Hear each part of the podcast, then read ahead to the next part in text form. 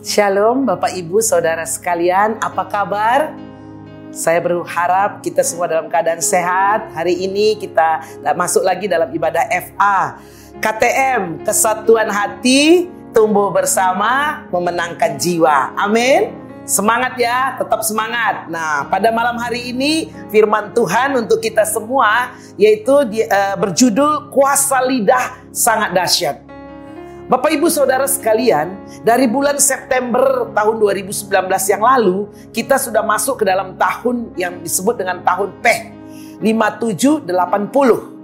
Nah, 10 tahun ke depan kita akan terus masuk dalam tahun ini yang lambangnya adalah mulut.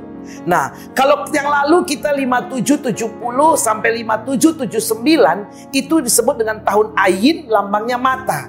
Tetapi tahun ini lambangnya mulut. Nah, Tuhan mau berbicara kepada setiap kita melalui tahun yang sangat penting dan sangat uh, kita nanti-nantikan ini. Dan kita tahu setiap kita bahwa Roh Kudus itu kita telah, telah menerima Roh Kudus. Telah dicurahkan Roh Kudus 2000 tahun yang lalu yaitu pada saat hari Pentakosta. Dan semua Bapak Ibu Saudara sekalian, sekarang saya mau tanya, Roh Kudus itu ada di mana? Di mana? Ayo, di mana Roh Kudus itu sekarang? Roh Kudus itu ada di hati kita masing-masing. Kita yang menerima Yesus sebagai Tuhan dan Juru Selamat kita, maka Roh Kudus itu ada di dalam hati kita. Amin. Nah, karena itu kita akan lihat bagaimana apa yang uh, berhubungan dengan FA kita pada malam hari ini. Mari kita lihat kalau Roh Kudus itu ada di dalam hati kita. Buka kisah 1 ayat 8a. Tetapi kamu akan menerima kuasa kalau Roh Kudus turun ke atas kamu. Kamu akan menerima kuasa kalau Roh Kudus turun ke atas kamu. Berarti Bapak Ibu Saudara sekalian, kita ini punya kuasa. Karena semua kita telah menerima Yesus sebagai Tuhan dan Juru Selamat kita, ada Roh Kudus di hati kita. Berarti kita berkuasa. Berarti yang punya kuasa itu bukan hanya orang yang punya uang, atau orang yang punya pangkat, atau orang yang punya kedudukan. Tapi setiap kita punya kuasa. Dan itu menandakan kita ini punya kuasa sama dengan kita sakti. Amin. Nah, mungkin ada yang ragu-ragu. Ah, masa iya bu? Iya, kita ini sakti. Ya, karena ada roh Allah di dalam kita. Nah, kita akan masuk ke, ke dalam firmannya. Kejadian 1 ayat 2 sampai 3. Kejadian 1 ayat 2 sampai 3. Bumi belum berbentuk dan kosong gelap gulita menutupi samudera raya dan roh Allah melayang-layang di atas permukaan air. Ayat 3, berfirmanlah Allah, jadilah terang, lalu terang itu jadi. Kita sering sekali membaca ayat ini, tetapi lewat begitu saja, tidak ada yang spesial. Apalagi kita waktu kecil Kejadian 1 ayat 1 kita e, liturgi di gereja ya. Pada mulanya Allah menciptakan langit dan bumi. Nah, ini kejadian 1 ayat 2 dan 3. Masih di awal di awal daripada firman Tuhan. Kenapa Tuhan taruh di awal? Pasti ada sesuatu yang penting di sana yang harus kita perhatikan. Nah, ini yang kita perhatikan, bumi belum berbentuk dan kosong, gelap gulita menutupi samudera raya. Dan roh Allah melayang-layang di atas permukaan air. Berarti yang ada adalah gelap, air, dan roh Allah. Ingat ya, gelap, air, dan roh Allah. Kejadian 1 ayat 2. Semuanya gelap, tapi ada roh Allah. Kegelapan tidak berubah apa-apa, tetap gelap. Walaupun ada roh Allah. Di dalam kita juga sama. Kita sudah dipenuhi roh kudus, ada roh Tuhan di dalam kita. Tetapi kita juga mengalami kegelapan. Kegelapan apa? Sakit penyakit, ya kemudian juga krisis ekonomi, ketakutan akan masa depan. Ini mau gimana? E, sekarang terus virus corona, ketakutan akan e, banyak hal kegelapan dalam hidup kita. Mungkin ada perkelahian, ada sengketa dan lain-lain, ada masalah-masalah. Kapan kegelapan mulai berubah? Kegelapan mulai berubah ketika Tuhan buka mulut di ayat 3. Allah berfirman, jadilah terang, maka terang jadi. Pergumulan, masalah, kegelapan yang engkau alami tidak akan berubah sampai saudara buka mulut dan berkata, jadilah terang. Sakit penyakit yang sekarang mungkin ada yang kita sedang alami tidak akan berubah sampai kita berkata, aku sehat. Krisis keuangan yang terjadi dalam hidup kita. Mungkin sekarang kita kena PHK, nggak punya pekerjaan, nggak ada uang, nggak ada segala macam ya. Nah ini akan tetap berlangsung sampai kita berkata, aku diberkati.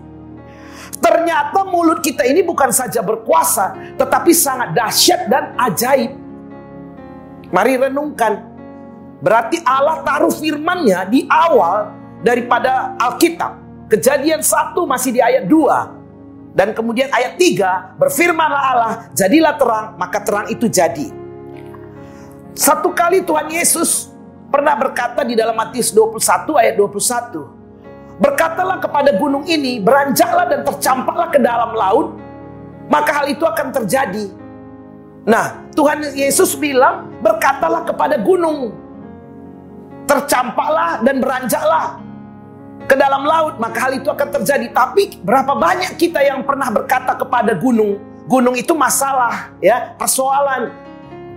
90% daripada kita tidak pernah bicara kepada gunung atau kepada masalah.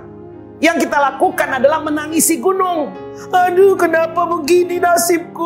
Uang gak ada begini, anak suamiku selingkuh, apa segala macam. Ya, kita menangisi gunung. Tetapi hari ini kita belajar dari firman Tuhan Tuhan Yesus katakan, berkatalah kepada gunung, beranjaklah dan tercampaklah ke dalam laut, maka hal itu akan terjadi. Bapak Ibu, Saudara sekalian, mari kita lihat dari Amsal 6 ayat 2. Jikalau engkau terjerat dalam perkataan mulutmu, tertangkap dalam perkataan mulutmu. Nah, jikalau engkau terjerat dalam perkataan mulutmu. Mulut ini gak ada apa-apanya, baik-baik aja ya sampai keluar omongan baru terjadi apa-apa. Dikatakan apa? E, perkataan di mulut seperti jerat. Bahasa Inggrisnya saya lihat trap, jebakan atau net, jaring. Kalau kita melemparkan jaring, maka kita akan mendapatkan sesuatu. Mungkin aja ikan, mungkin sampah, mungkin daun-daun, mungkin apa. Ya, pada waktu kita menyampaikan, mengeluarkan sesuatu, apakah itu positif atau negatif dari mulut kita, kita sedang menghidupkan, memberi nyawa, menghidupkan ya. Ma, e, misalnya saudara bicara A tentang sesuatu ya, apa yang kita mau katakan, kita ucapkan. Itu kita sedang memberi nyawa kepada ucapan kita. Semakin sering kita tarik, maka itu akan semakin dekat kepada kita. Dan itu akan jadi. Ingat dalam kitab bilangan 10 pengintai. Nah ini ada 12, Joshua dan Kaleb dan 10 lagi. Disuruh oleh Musa untuk mengintai tanah kanaan. Kemudian mereka pulang dari pengintaiannya apa yang 10 laporkan kepada uh, Musa. Ini loh Pak, tanah kanaan itu memang bagus, berlimpah-limpah susu dan madunya. Tapi di sana hidup orang enak, orang-orangnya besar-besar. Waduh, Gak bisa kita lawan pak. Kalau kita lawan matilah kita hancur kita pak. Kita ini kayak belalang. Gak bisa pak. Wah pokoknya mereka ucapkan semua yang mengecilkan keadaan mereka. Dan itu bukan sekali. Pasti ketemu temennya nanya tadi kemar kemarin kalian pergi ke tanah kanan apa? Uh di sana, waduh kita ini nggak lawan kita lah kita kalau ke sana mati kita semuanya nggak bisa. Kita seperti belalang berulang-ulang berulang-ulang dan apa yang jadi? Kesepuluh pengintai ini tidak pernah masuk ke tanah kanaan. Bapak ibu saudara sekalian, sekali lagi setiap kata yang engkau lepaskan, engkau sedang memberikan nyawa. Semakin sering engkau ucapkan, itu engkau akan tarik semakin jadi dalam hidupmu. Ada seorang bapak mempraktekkan ayat-ayat ini. Dia sedang mengurus sertifikat tanahnya di uh, di agraria. Dia mengurus tanahnya, uh, surat tanahnya di agraria. Kemudian sampai di BPN dia tanya, berapa lama pak ngurusnya? Dua tahun. Kok lama sekali? Lah iya bukan hanya tak surat bapak saja, ini lihat ini ada bertumpuk surat antri pak, letakkan aja di meja saya. Ah oh, saya nggak mau pak, saya mau cepet perlu ini pak, saya akan doa pak. Nanti Tuhan akan kasih percepatan, bagi Allah tidak ada yang mustahil. Bapak BPN ini bilang ya terserah bapak mau doa doa aja sana tapi letakkan di bapak harus ikut peraturan antri. Dan akhirnya bapak ini pulang ke rumahnya. Di rumah dia selalu berdoa, percepatan terjadi, percepatan terjadi. Surat sertifikat tanahku akan segera keluar, sertifikat tanahku segera keluar. Apa yang terjadi? Enam minggu kemudian, Bapak ini ditelepon dari agraria dari BPN. Dan kemudian BPN bilang, Pak ini tolong diambil ya suratnya. Loh, dia bingung. Oh ini dari agraria Pak? BPN? Iya. Ini nama Bapak kan? Iya, tolong diambil suratnya. Singkat cerita Bapak ini pergilah ke BPN dan kemudian dia terima sertifikat sertifikat tanahnya.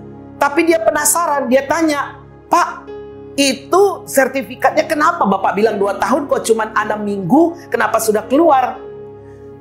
Tahu Pak, sejak saya bertemu dengan Bapak, saya sudah nggak pernah berbahagia lagi, kata Bapak BPN tersebut. Kenapa Pak? Lah, pagi saya mau bangun tidur, wajah Bapak yang nampak. Saya mau makan, wajah Bapak lagi. Saya mau tidur, wajah bapak lagi. Terus-terusan wajah bapak. Akhirnya saya nggak tahan, saya ambil aja itu surat, saya kasih ke uh, pemimpin kami diteken dan supaya selesai, supaya saya nggak lihat-lihat lagi wajah bapak nggak datang-datang lagi di hadapan saya. Tapi bapak ini ketawa dan kemudian pergi, percepatan terjadi. Amin. Seorang dokter melakukan penelitian, hasil risetnya yaitu adalah ini orang-orang tua, semua orang yang sudah tidak tertolong lagi, semua orang-orang sakit yang udah nggak bisa ditolong lagi. Kemudian apa yang dia lakukan?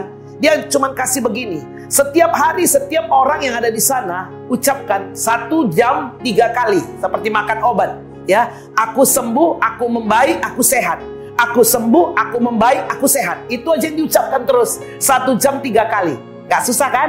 Aku sembuh, aku membaik, aku sehat. Apa yang terjadi? Beberapa minggu kemudian Semakin banyak yang sehat, semakin banyak yang sehat dan akhirnya pada pulang karena sehat. Bapak Ibu, saudara sekalian, ini waktunya.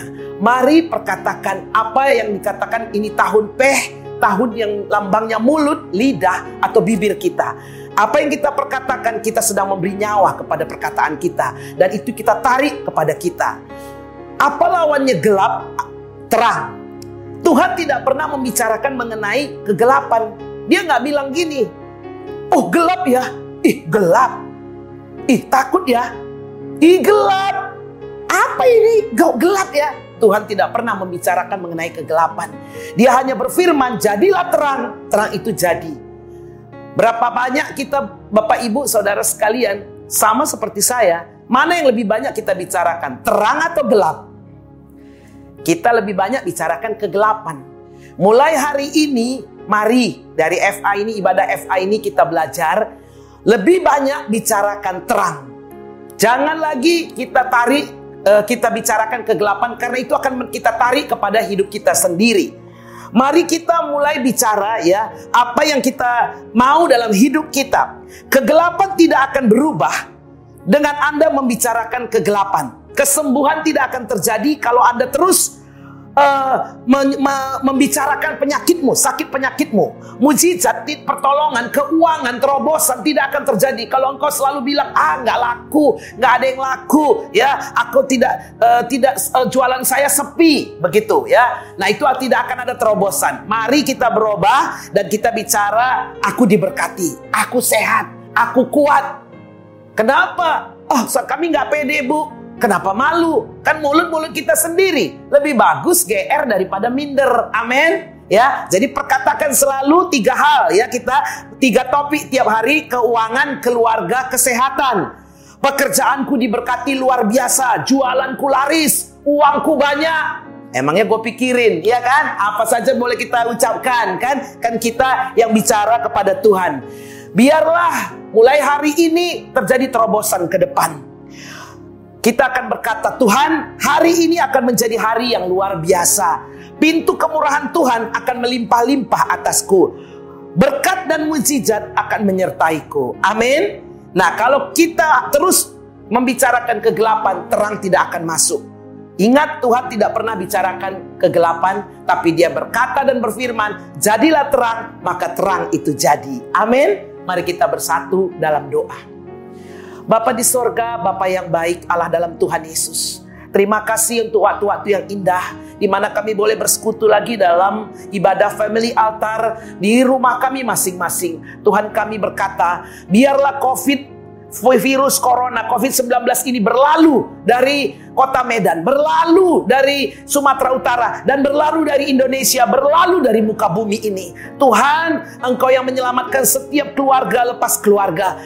Demikian juga krisis ekonomi, ini boleh lalu Tuhan. Ekonomi pulih semuanya lagi Tuhan. Dan keluarga-keluarga boleh dipulihkan Bapak. Engkau memberkati tiap-tiap rumah tangga Bapak Tuhan. Terima kasih Bapak, terima kasih. Biarlah kami boleh berkumpul lagi dalam ibadah-ibadah FA, dalam sukacita yang berlimpah-limpah di minggu-minggu ke depan. Terpuji, termulialah Engkau ya Allah. Terima kasih Bapak.